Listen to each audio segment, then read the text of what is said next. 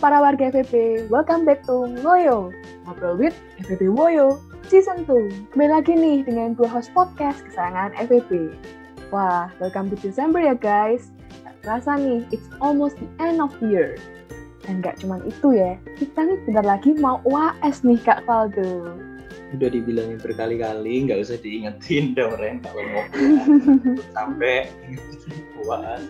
Tapi di satu sisi menurut aku uh, emang asik juga sih. Soalnya setelah uas ini kan kita libur ya. Jadi uh, buat laptop kesayangan yang sedang aku pakai zoom saat ini tuh aku mau ngasih waktu laptopku istirahat. Soalnya tiap hari bukannya habis jimit terus itu zoom lagi. Jadi gak ada hentinya. Iya betul banget sih tuh kak Fatu nggak kerasa ya baru kemarin tuh bilang kita mau memasuki bulan UAS tapi ini sekarang UAS sudah benar-benar depan mata ya kak? Oh nggak usah sebut UAS oke oke oke. Nah kita kembali nih ke laptop. Nah episode podcast hari ini beda banget nih dari yang lain. Karena biasanya nih kalau kita nggak berdua kita ada guest yang sama ini biasa dari mahasiswa FEB ya kak Faldo. Bener banget tapi nih di episode kali ini kita kedatangan siapa nih kak Faldo Oh memang sukanya bikin penasaran ya Ren. Tapi oh, wajib uh, dong. buat sobat-sobat uh, Moyo ini tuh uh, itu merupakan salah satu dosen baru di Unika. Uh, jadi without further ado, uh, kita berikan sambutan meriah untuk keluarga baru FPB Unika yaitu Pak Pak Pak Pak Pak, Pak, Pak, Pak siapa ya Ren? Pak siapa Ren? Pak siapa ini ya? Halo Pak Adi, selamat datang di podcast Moyo FPB Unika Pak. Halo, halo Pak. Halo, halo. Selamat pagi, siang, sore, malam bagi semua yang mendengarkan podcast ini. Salam Wuyo. Mungkin salamnya seperti itu kah? Saya. Oke, oke. Ya, baik. Gimana nih uh, Pak kabarnya hari ini? Uh, semoga sehat-sehat juga ya Pak. Saya sendiri kabar saya sehat. Semoga kalian yang mendengar ini juga dalam keadaan sehat. Amin. Betul, amin, amin. Nah, Uning mungkin uh, karena Bapak ini kan uh, dosen baru di FEB ya Pak, mungkin kayak banyak orang yang ah ini dosen baru kok aku nggak diajar ya. Uh, ini dari kapan sih? Mungkin Bapak bisa uh, perkenalan diri lebih lanjut dulu untuk Bapaknya. Oke, okay, um, terima kasih untuk waktunya. Uh, perkenalkan nama saya Tri Adi Santoso. Biasa kalau di kelas dipanggil Adi. Kebetulan ini uh, untuk dosen di FEB ini nggak ada nama yang sama ya. Jadi uh, saya uh, biasa dipanggil Adi, Pak Adi kalau di kelas. Saya baru bergabung di Prodi Manajemen Fakultas Ekonomi dan Bisnis ini uh, sejak kemarin bulan September. Mungkin saya uh, beberapa sudah masuk ke dalam kelas Prodi Manajemen. Salam kenal buat semuanya yang mendengarkan podcast. Salam kenal Pak. Salam kenal Pak Adi. Ini kan bentuknya barusan bilang dia uh, mulai itu kan di Desember ya. Mm-hmm. Secara tidak langsung nih kita seniornya Pak Adi dong. Berarti aku yang mahasiswa baru nih seniornya juga nih masa Pak Adi. Iya, saya baru bergabung kemarin bulan September 2021. Tapi officially kalau saya bergabung di uh, kampus Unika dulu saya tahun 2009 juga sudah bergabung sebagai mahasiswa. Wah, kita salah menilai ya. sekarang dan. Jadi bisa dikatakan mungkin saya kakak perguruan kalian ya. ya, dari ini kebetulan. ya, uh, mungkin uh, eh, CLBK ya, cinta lama bersemi kembali lah. Saya bisa, uh, puji Tuhan saya bisa bergabung lagi dengan uh, kampus tercinta ini dan bisa mengabdi untuk uh, memberikan yang terbaik bagi Fakultas Ekonomi dan Bisnis. Amin amin amin. Nah, jangan juga jangan kan tadi katanya CLBK Pak jangan jangan jadi mantan ya Pak soalnya nih Iren kayaknya belum pernah diajar sama Bapak nih. Ya tuh enggak enggak ya ya. Uh, saya akan berusaha memberikan yang terbaik dan jangan lagi ada kata mantan mungkin ya. betul betul Pak. Nah untuk Pak Adi nih uh, walaupun udah lama tapi kan uh, baru uh, September kemarin ya uh, perasaan Pak Adi gimana sih setelah beberapa waktu ini menjadi dosen di Unika? Perasaan saya ya puji Tuhan saya sangat bersyukur ya saya sangat merasa senang karena mungkin selama proses rekrutmen untuk bisa bergabung di kampus ini membutuhkan proses yang sangat lama dan otomatis saya uh, tidak bisa mengajar di kampus saya sebelumnya. Jadi mungkin ketika saya bisa bergabung dengan fakultas ini, saya bisa kembali masuk ke dalam kelas, bisa mengajar, bisa bertemu dengan uh, teman-teman mahasiswa itu uh, seperti merasa terobati rasa kangen saya untuk bisa uh, berkarya, untuk tetap bisa berdiskusi, bertukar pendapat, untuk membahas materi-materi ekonomi dan ya suasana-suasana di kelas walaupun dalam kondisi online tetap bagi saya itu merasa saya merasakan itu sesuatu yang saya rindukan gitu ya uh, apa ya hype-nya, suasananya, kondisinya itu benar-benar sangat menyenangkan dan itu saya sangat bersyukur untuk bisa kembali mengajar dan menjadi dosen di. Wah, duh turut senang ya Pak kalau misalnya Bapak menikmati juga nih mengajar uh, mahasiswa Unika. Semoga bisa menjadi keluarga besar Unika saat pensiun ya Pak. Amin, amin, amin. Amin, biar nanti saya bisa juga segera tadi ya Pak, seperti yang bilang Kak Faldi merasa dia, merasakan diajar sama Pak Adi nih. Nah, betul banget Ren. Soalnya aku nih uh, termasuk salah satu orang yang beruntung karena aku tuh udah diajar sama Pak Adi dan uh, emang asik sih Pak Adi itu udah makanya makanya jadi tunggu aja ya nanti kalau ada di KRS namanya Triadi Santoso itu langsung pilih ya pokoknya. Nah, gitu. Oke siap siap. saya uh, saya harap nggak formalitas di podcast ini ya. Enggak dong Pak. Tapi KRS Ren, aku nggak tahu. nah buat Pak Adi nih, uh, aku ada lagi. Uh, kira-kira apa sih Pak alasan Pak Adi itu memilih untuk menjadi dosen di Unika? Oke, mungkin untuk alasannya mungkin saya uh, sedikit cerita banyak ya di sini. Oke, mengenal dan mengetahui Unika itu yang paling saya ingat pertama adalah ketika kita melihat uh, visi dan misi kampus ini. Mungkin kalian nanti bisa sambil browsing cek ya visi misi dari universitas kita ini di mana di kampus ini itu mengedepankan nilai-nilai Kristiani yaitu cinta kasih, keadilan dan kejujuran. Menurut saya itu merupakan suatu langkah berani dari sebuah universitas untuk mengedepankan nilai-nilai Kristiani. Dan uh, saya yang juga kebetulan um, mempunyai keyakinan juga di Kristiani uh, sangat sependapat dengan yang diusung oleh Universitas Katolik Sugio Pranoto ini um, kita juga harus mempunyai nilai-nilai sikap terutama yang uh, mengusung nilai-nilai Kristiani. Mungkin apa ya untuk dikatakan mungkin cinta kasih gitu. Cinta kasih yang tulus itu kan ya benar-benar tulus bisa memberikan uh, yang terbaik gitu. Yang bisa kita bantu gitu. Itu menurut saya benar-benar uh, visi misi dari kampus ini benar sejalan dengan visi misi hidup saya. Itu sih untuk alasan pertama saya. Terus apa lagi ya? saya sampai saya sampai penyebarannya cukup lengkap dan dan iya loh, jadi dapat insight juga kan point of view-nya dari Pak Adi tentang visi misinya Unika. Karena sedip itu gitu loh buat Pak Adi, ya ampun. ya mungkin uh, kalau kita uh, pelajari lebih dalam, kita refleksikan dalam kehidupan kita itu akan ya itu sesuatu yang kita butuhkan gitu. Iya betul banget sih Pak.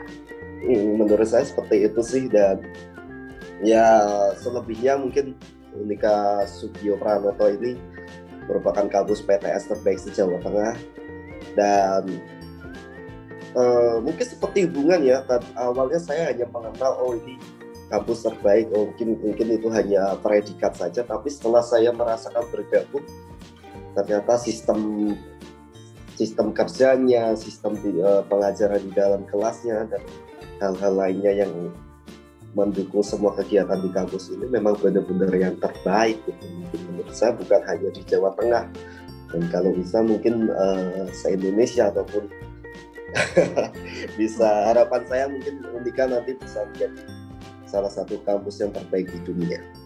Amin. Oh, amin, amin banget sih Pak. Kita nanti yang jadi alumni kan juga bangga ya. Nah itu kan betul, betul. Ya ini tugas buat kalian mungkin ya ke depannya. Sebagai Iya sih, Pak. dosen dan kakak seperguruan kalian mungkin saya juga apa ya istilahnya menghimbau untuk bukan menghimbau mungkin mengajak adik-adik sekalian baik itu yang masih kuliah ataupun yang sudah menjadi alumni yang mendengarkan podcast ini ya harapan saya. Eh, harapan dari saya mungkin harapan dari seluruh kampus ini supaya kita tetap bisa menjaga eh, apa yang menjadi visi misi kita. Dan kalaupun nanti untuk predikat ataupun eh, peringkat itu hanyalah bonus tapi kalau kita benar-benar bisa menjalankan visi dan misi kampus saya kira kita bisa berbuat banyak untuk kehidupan. Betul Pak, amin Pak. Semoga Unika bisa lebih maju lagi ya Pak ke depannya Pak. Iya, Dengar-dengar nih Pak Adi, sekarang Pak Adi ini ditunjuk juga sebagai salah satu satgas promosi fakultas kita ya Pak. Kalau boleh tahu nih, proyek apa aja nih yang sedang dijalankan oleh Pak Adi? oke. em, untuk satgas promosi ya, kebetulan saya eh, diberikan mandat oleh Pak Dekan kita yang baru yaitu Pak Theodorus Sudimin. Em, saya diberikan mandat untuk menjadi ketua satgas promosi Fakultas Ekonomi dan Bisnis. Diharapkan nantinya eh, bisa menjalin kerjasama dengan pihak-pihak di luar kampus, terutama di eh, sekolah-sekolah ataupun paroki-paroki maupun pihak-pihak lainnya untuk memperkenalkan yaitu tadi yang menjadi visi misi kita yang saya kira saya kira itu visi misi yang mulia dan kita harus benar-benar eh, terjun untuk mengenalkan ini loh eh, bahwa ada kampus Unika Sugio Pranoto ini yang dengan visi misinya ini eh, menjunjung tinggi nilai-nilai Kristiani dengan eh, sistem pembelajarannya berkualitas dengan ini loh uh, murid mahasiswa mahasiswanya yang juga sangat antusias, sangat uh, bersemangat, terus mungkin uh, juga banyak prestasinya ya mungkin ya untuk uh, mahasiswa-mahasiswa kita dan mungkin alumni-alumni kita juga kita kenalkan ke masyarakat supaya masyarakat juga bisa merasakan nilai-nilai positif dari kampus kita. Lalu untuk program-programnya sedikit mungkin saya bocorkan yang paling dekat ini tuh akan mengadakan em, open house itu yang akan nanti ada kuliah expo dan pengenalan dan lain-lain yang akan diadakan tanggal 14 dan 15 Desember 2021 itu nanti kalian eh, teman-teman mahasiswa bisa bergabung ataupun yang masih sekolah yang masih SMA baik itu kelas 3, 2, kelas 1 atau bahkan mungkin eh, teman-teman dari tingkat SMP pun juga boleh bergabung kalau memang ingin tahu gambaran tentang eh, Unika itu seperti apa program-program yang ada di Unika nah, seperti apa ini nggak nggak hanya di jurusan ekonomi dan bisnis saja tapi eh, nanti semua fakultas juga bergabung ke, ke dalam open house ini jadi bisa benar-benar memberikan gambaran tentang uh, program-program yang ada di kampus kita ini. Wah, jadi inget juga nih Pak. Dulu saya kalau SMP, SMA, kalau sekolah ngadain open house pasti cepet-cepet cari bootnya Unika nih Pak. ya, amin. Moga-moga nanti um, ya hype-nya, antusiasnya nanti juga masih tinggi ya di masyarakat ya harapan saya seperti itu juga. Amin, Jangan lupa ya buat amin. sobat ngoyo yang punya adik eh, atau mungkin kalian masih kecil terus nih kalian dengerin entah kenapa dari Spotify tiba-tiba dapat dan kalian masih SMA atau SMP eh, bisa datang tuh ke open house-nya Unika tanggal berapa tadi Pak Adi? Tanggal 14-15 Desember 2021 ini Nah itu dilaksanakan secara online sih, jadi bisa nggak hanya untuk apa ya istilahnya untuk warga Semarang tapi yang di luar kota bahkan di luar provinsi juga masih bisa join ke acara open house ini. Oke, seperti itulah kira-kira. Jadi dapat lebih menjangkau banyak orang juga ya Pak ya. Ya, Wah, itu jadi tuh kalau promosi sih Ren. jadi kan bisa tambah kelihatan gitu loh Pak. Walaupun di tengah-tengah pandemi gitu, eh, Unika tuh promosinya tetap jalan terus gitu. Tambah mencari nama nih Unika harus tambah dikenal sama orang-orang di luar kualitas dari Unika. Bener dong, bener banget. Apalagi Ya, ada itu kan eh, kelebihan dari manajemen kan Nah, Jadi betul, betul. mengubah mengubah trait atau ancaman menjadi peluang. Jadi kita di pandemi mungkin bertemu secara offline itu sangat susah, tapi kita bisa olah itu, kita bisa bikin program online. Bahkan mungkin salah satunya melalui podcast ini kan kita bisa menjangkau yang sebelumnya mungkin kita uh, tatap muka seminar itu kan kita tidak bisa terjangkau mungkin untuk yang luar pulau, tetapi kan dengan online uh, ini kita harapkan bisa menambah apa itu ya terutama bisa mengubah sesuatu yang negatif menjadi positif. Wah ya, benar banget sih itu Pak. Nah ini tadi kita kan bahas juga nih tentang online dan offline. Nah ini dengar-dengar kan Unika untuk menyambut tahun baru nih Pak, Unika ini bakal ngadain juga yang namanya sistem hybrid ya. Jadi kita akan kuliah secara online dan juga offline. Nah menurut Bapak sendiri bagaimana nih persiapan dosen, khususnya Bapak sendiri yang selama hampir uh, kalau di Unika sudah dua tahun nih work from home atau di depan layar untuk semester depan. Kalau jadi persiapannya Bapak Adi apa aja nih Pak? Oke untuk sistem hybrid itu ya, um, mungkin seperti jawaban saya sebelumnya ini kita uh, selama pandemi ini saya beri sedikit ilustrasi apakah boleh mungkin? Boleh dong Pak, kasih user, kasih buat kita nih. Oke, mungkin uh, apa ya saya berikan apa ya analogi atau ilustrasi cerita. Mungkin selama pandemi ini tuh ibaratnya kita sedang berjalan di suatu jalan gitu kan. Tiba-tiba di depan kita tuh ada tembok besar menghalangi jalan kita. Mungkin bisa kita bayangkan seperti itu ya kita jadi nggak bisa lewat kita nggak bisa uh, melanjutkan perjalanan kita. Mungkin di awal pandemi itu yang kita rasakan. Terus uh, seiring berjalannya waktu kita mungkin uh, mencoba mencari lubang ataupun celah dari uh, tembok itu ataupun berusaha merobohkan tembok itu kita bisa berjalan lagi atau kita bisa melanjutkan perjalanan kita lagi. Nah tapi ada sesuatu yang miss nih menurut saya. Ada sesuatu yang kelupaan uh, terkadang kita kalau saat hanya satu uh, fokus kita kita tuh jadi lupa uh, apa ya istilahnya apa yang menjadi hakikat kita atau apa yang menjadi uh, keyakinan kita menjadi uh, menjadi seorang manusia gitu bahwa kita itu hidup tidak sepenuhnya hanya menggantungkan pada kemampuan manusia pada kemampuan uh, teman kita ataupun kemampuan uh, keluarga kita tapi kita harusnya sebenarnya kita harus uh, berserah diri mengandalkan Tuhan untuk kita bisa uh, menjalani lah menjalani kehidupan ini gitu. Jadi kita mungkin itulah apa ya elemen dasar yang mendasari kita untuk me, apa ya menjalani kegiatan pandemi ini. Kita karena mungkin kita terlalu terlalu fokus untuk pada bagaimana cara melewati tembok itu kadang kita mungkin uh, lupa pada hubungan kita dengan Tuhan gitu. Sedangkan mungkin Tuhan itu sudah menyediakan jalan di sisi kanan kiri tembok itu tuh kita, kita masih ada alternatif jalan melewati tembok itu. Tapi karena kita hanya satu uh, fokus kita hanya kita mengandalkan pikiran rasio rasional dalam pikiran kita pikiran logis kita kita jadi lupa um, akan kuasa Tuhan ya mungkin saya bilang seperti itu ini saya balik kembali kembali bertanya mungkin Mas Faldo juga merasakan seperti itu kah? Uh, mungkin kalau dari aku sih Pak uh, hmm. mungkin ya uh, perkataan Pak Adi tadi ada benar sih karena dengan adanya pandemi ini tuh ada banyak jalan yang bisa uh, lebih aku fokusin dan uh, karena dengan adanya pandemi itu uh, menurutku kalau ini misal nggak ada pandemi dan tetap seperti biasa, aku mungkin bakal menjadi orang yang berbeda dari hmm, dari yang aku sekarang ini Pak. Karena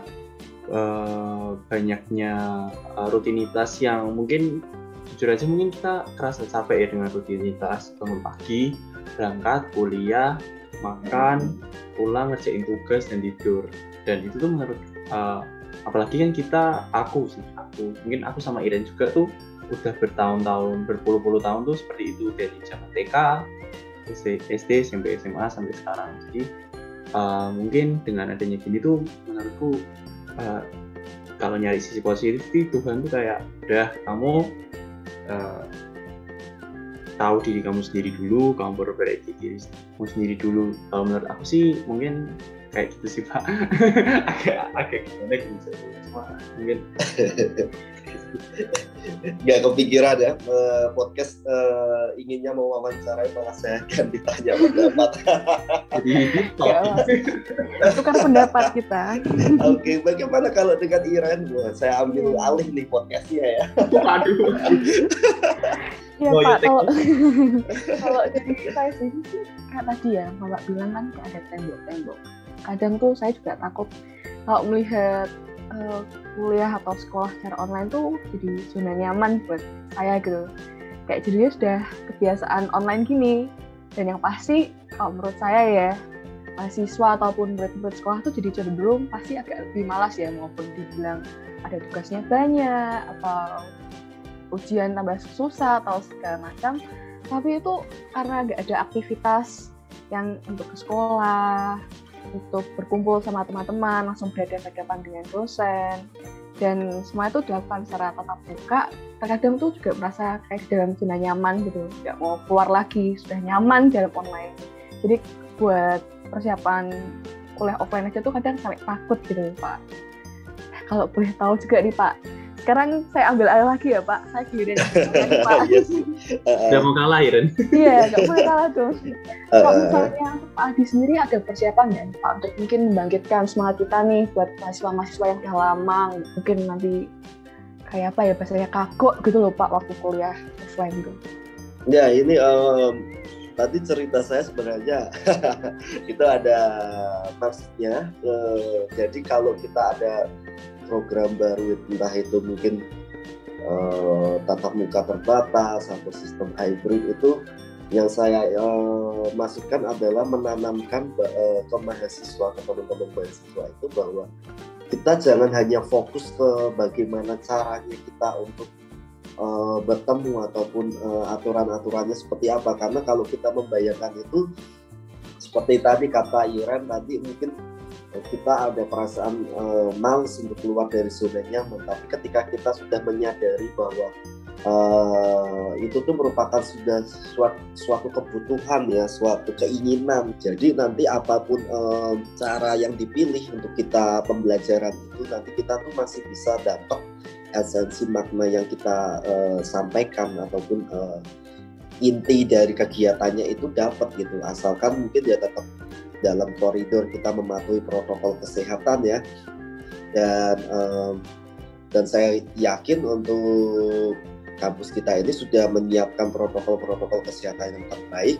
Dan kita selalu godok, kita selalu rapat, ada rapat, ada eh, forum untuk membahas tentang bagaimana sistem ini nanti dapat berjalan dengan baik dan itu sudah benar dan mungkin kalau kalian ingat kita juga selalu melakukan survei kepada kalian kan untuk kesiapan menghadapi sistem hybrid ini. Kemudian nanti kalaupun uh, dari hybrid berkembang menjadi full offline nah, itu kan sebagai salah satu bentuk uh, cara dari kampus itu ini untuk mengetahui ya istilahnya uh, pingin bagi, tahu bagaimana sih kondisi mahasiswa di rumah itu uh, apakah mengalami kesulitan belajar atau uh, mungkin ada uh, sisi positifnya juga dengan belajar offline ini uh, apa yang bisa diambil gitu.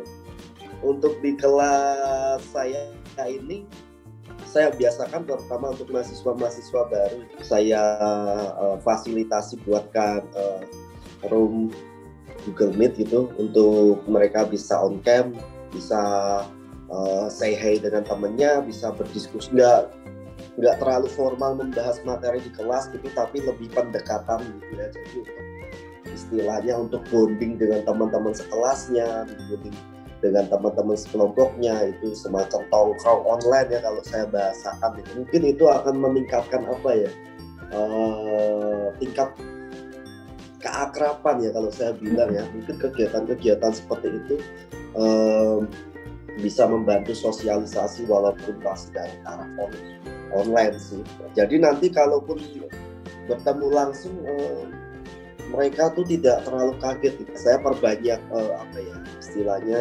sesi-sesi kegiatan di luar kelas tapi masih dalam taraf uh, yang terjaga kondusif. Biasanya saya selipin juga uh, gambaran-gambaran. Oh ini kalau offline ini seperti ini nanti kalian akan belajar dengan cara ini terutama untuk mahasiswa-mahasiswa baru ya semester pertama. Apakah Ira di kelasnya juga seperti itu kah? Mungkin uh, kalau di Irin mungkin uh, mungkin belum ya Pak karena bahkan Irin kan setahu saya kan lulus hmm. dari SMA aja udah online sebelum lulus SMA aja udah online jadi hmm. mungkin kalau yang baru-baru ini mungkin kayak wah sama ini aku sekelompokan aja nggak tahu orangnya kayak gimana mungkin gitu. Kalau dari aku kan karena udah sempat offline ya Pak untuk satu semester uh, satu semester dua semester dua minggu dari semester 2 itu sempat offline. Jadi uh, walaupun di uh, kalau uh, di misalnya di online itu kelompokan sama yang nggak kenal tapi udah apa namanya kayak oh orangnya tuh yang ini ya.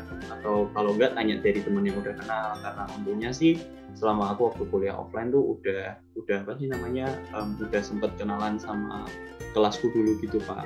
Jadi uh, mungkin kalau nanti bakal hybrid itu pasti bisa lebih kayak oh halo akhirnya ketemu juga. Apa oh udah lama nggak ketemu. Ingin hmm. oh, ya itu uh, mungkin apa ya sesi-sesi ringan ya kalau saya bilang ringan untuk membahas. Nggak harus mungkin kalau di organisasi mungkin bisa seperti teman teman-teman di BEM ataupun HMPS ataupun UKM UKM itu mungkin terutama dengan adik-adik kelas yang semester baru. Demi kita bisa mensukseskan sistem hybrid ini kita mungkin perlu mengadakan sesi-sesi ringan ya yang yeah. uh, nggak terlalu resmi banget dan mereka pun bisa enjoy untuk benar-benar bisa uh, uh, istilahnya mungkin klop ya untuk uh, untuk bisa beneran join di kampus ini. Mungkin kegiatan-kegiatan seperti itu yang sebenarnya mungkin saya lakukan untuk menyukseskan uh, sistem pembelajaran hybrid ini ya supaya uh, mungkin dari kampus sudah menyiapkan uh, program ataupun protokol kesehatan atau tempatnya yang sesuai dengan uh, anjuran pemerintah maupun anjuran dari medis untuk ke sistem hybrid ini. Nah, uh, dari segi dosennya juga uh, sudah melakukan sosialisasi supaya mahasiswa-mahasiswa itu tidak kaget gitu kan. Untuk adanya sistem hybrid ini tuh bukan dari kesiapan uh, pelakunya ataupun uh, maksud saya kesiapan pelaku itu baik secara fisik ataupun programnya tapi lebih ke apa ya mentalitas ataupun mungkin uh, mindset dalam pikirannya bahwa kita ini harus beneran siap untuk pembelajaran baik itu dengan metode apa pun dengan cara apa pun hmm. kita ini harus siap untuk benar-benar mendapatkan ilmu atau sesuatu yang positif jadi mau online mau hybrid atau maupun offline kita beneran siap itu sih yang uh, harapan dari saya seperti itu sih. Amin sih Pak dari aku juga uh, hmm. karena dari tadi kan Pak Adi sebagai sisi seorang dosen kan udah nyiapin berbagai macam tadi ya sesi yang ringan atau uh, menyiapin mahasiswa yang gak kaget. Uh, semoga juga kalau dari aku sih nanti untuk uh, karena buat hybrid dan juga tatap muka ini kan uh, kalau satu doang yang berusaha kan juga nggak bisa pak. Kayak hubungan juga kan satu yang berusaha kalau satunya nggak mau kan juga nggak bisa. Nah di sisi aku nanti berharap juga buat mahasiswa dan juga sobat ngoyo yang dengerin ini untuk nanti kalian yang udah hybrid uh, kalian keep, keep calm aja uh, anggap aja kalian kan karena kalian, kalian kan nggak dari lahir untuk udah online ya. Kalian seperti ngerasain SD SMP uh, mungkin SMA setahun ya. Itu tuh uh, untuk nanti hybrid coba deh mulai kenalan. Oh oh ini kamu yang namanya ini. Kita udah kelompokan berkali-kali tapi nggak tahu aja. Udah berusaha untuk open kepada teman satu sama lain. Dan uh, tapi juga dengan kondisi yang kondusif juga. Uh, ini sih buat sobat Moyo kok. Aku malah kayak kita berdua kok malah jadi hostnya ya pak? Iya dan saya harap mungkin salah satu uh, obat penawar kerinduan itu ada dengan podcast Woyo ini ya. Amin, amin, amin, amin Pak.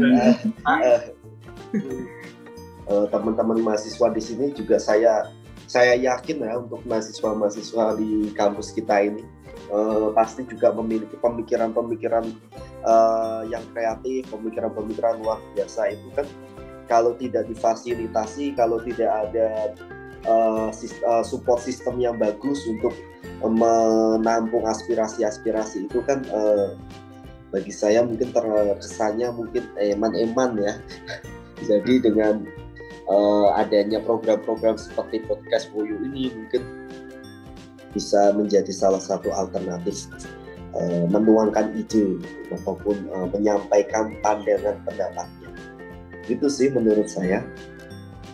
Gila, jawabannya Ren, oh my god, dosen nah, banget iya. ya sih. Iya, iya betul sih. Aku juga sebagai mahasiswa tuh kita benar-benar terima kasih nggak sih Kak Fadul kayak dari sisi dosen sekalipun tuh sudah melakukan dan memikirkan juga banyak pertimbangan buat hmm. kita nanti mahasiswa tuh mau kuliah hybrid tuh kayak gimana bagaimana mahasiswa nanti biar bisa enjoy perkenalan ada pendekatan dulu kita sebagai mahasiswa juga terima kasih sih Pak sama Pak Adi dan dosen-dosen lainnya.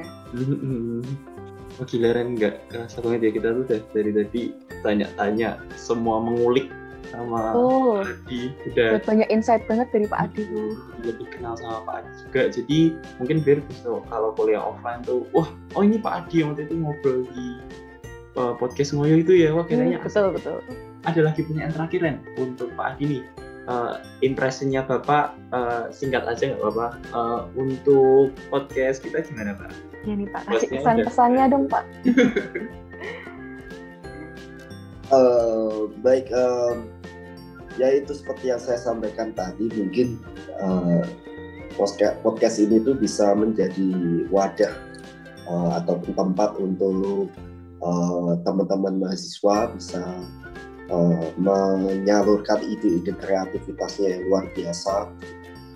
Khususnya uh, mungkin untuk teman-teman uh, semester satu ya yang baru bergabung ke uh, kampus Universitas Katolik Sugio Pranoto ini supaya uh, lebih membantu proses adaptasinya nanti. Kalian mungkin bisa uh, ikut aktif nggak hanya mendengarkan saja sih harapan saya mungkin nanti uh, podcast ini mungkin bisa uh, apa ya semacam bikin voting ataupun um, menyebar kuesioner gitu misalnya untuk mengetahui apa sih yang ingin dibahas oleh teman-teman uh, mahasiswa manajemen misalnya seperti itu ataupun dari akuntansi sehingga nanti uh, melibatkan melibatkan uh, lebih banyak anggota-anggota uh, dari teman-teman mahasiswa di Fakultas Ekonomi dan Bisnis ini akan uh, membantu juga untuk proses uh, berkembangnya podcast ini sih menurut saya seperti itu sih. Jadi Wah. doain Ren sama dosen Ren pasti bakal ya iya pasti ini. Terkenal. Ya karena saya rasa mungkin mungkin saat uh, saat mendengarkan podcast ini ataupun podcast podcast sebelumnya ataupun podcast podcast uh, Woyo mendatang ini pasti ada yang dalam hatinya pingin request aku pingin bahas ini nih di podcast kita ada pak. Uh, kita ada pak. Kita ada pak. Hmm, oh, oke. Okay. punya session itu pak dari episode kedua loh pak. Nah nah itu uh, itu diperbanyak lagi mungkin bisa apa ya jadi podcast ini tuh bisa tempat apa ya hmm, penyampaian ide-ide kreatif. Betul sih pak. Gitu sih. Iya pak. Iya jadi nama segmen kita tuh uh, cepu pak.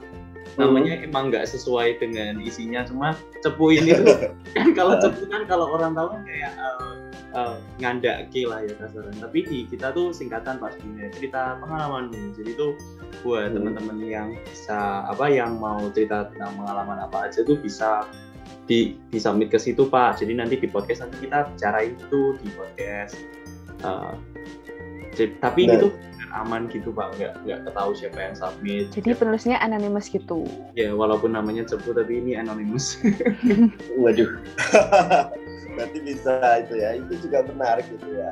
Seperti seperti uh, hal-hal seperti itulah yang mungkin uh, apa ya sangat dibutuhkan ya di tengah pandemi ini ya bukan bukan cepunya yang saya maksud ya tapi uh, adanya suatu wadah yang menampung aspirasi ataupun uh, ide gagasan ide-ide pemikiran kreatif itu tuh yang uh, sangat-sangat kita butuhkan ya. Mungkin uh, sebagai uh, keluarga besar ya saya bilang ya untuk universitas ini uh, pastikan uh, anggota-anggotanya itu ingin berkontribusi lebih ya demi kemajuan kampus ini. Maka kita harus istilahnya menyediakan menyediakan tempat untuk mahasiswa-mahasiswa ini bisa menyalurkan aspirasi pendapatnya seperti itu sih. Wah, iya betul banget sih Pak Adi. Terima kasih banyak ya Pak untuk uh, saran-sarannya juga buat podcast kita ini. Semoga ke depannya bisa yeah. lebih maju lagi ya Pak. Siapa tahu bisa pendengarnya sampai ribuan nih nanti. Amin gak tuh Kak Waldo? Ya jutaan kok. Gimana sih kamu? Oh, ya ampun. Iya kasih nanti uh, kasih hashtag nama saya kan bisa jutaan. Duh perlu bayar gak ya Pak? Promosi beda. Promosi oh, iya. Unika. oh. Uh, jadi so that's all uh, for the topik dari kita buat sobat Moyo. Semoga kalian semua enjoy dengan insight-insight baru di podcast kali ini. Uh, kita uh, saya Iren dan Rivaldo itu eh Iren dan Rivaldo aku ya. Uh, terima kasih juga untuk guest kita pada episode kali ini yaitu Pak Adi. Semoga sukses selalu dan juga selalu menginspirasi mahasiswa Unika ke depannya. Yeay. Terima kasih banyak ya Pak Adi. Dan Iya sama-sama. para sobat lainnya jangan lupa ya buat follow dan nyalain notifikasi podcast kita di Spotify supaya nggak ketinggalan podcast-podcast kita yang selanjutnya. Caranya gampang banget nih, tinggal search aja BEM FEB Unika Studio Pranata. Terus kapital semua ya. Klik follow dan logo lonceng Spotify supaya nggak ketinggalan kalau kita upload podcast terbaru. And also make sure to follow our IG di BEM underscore FEB underscore Unika buat tahu pengumuman-pengumuman terbaru FEB Unika. That's all folks. We'll see you. Selamat merencanakan hari libur kalian semua. Good wish you all Matur Tunggu.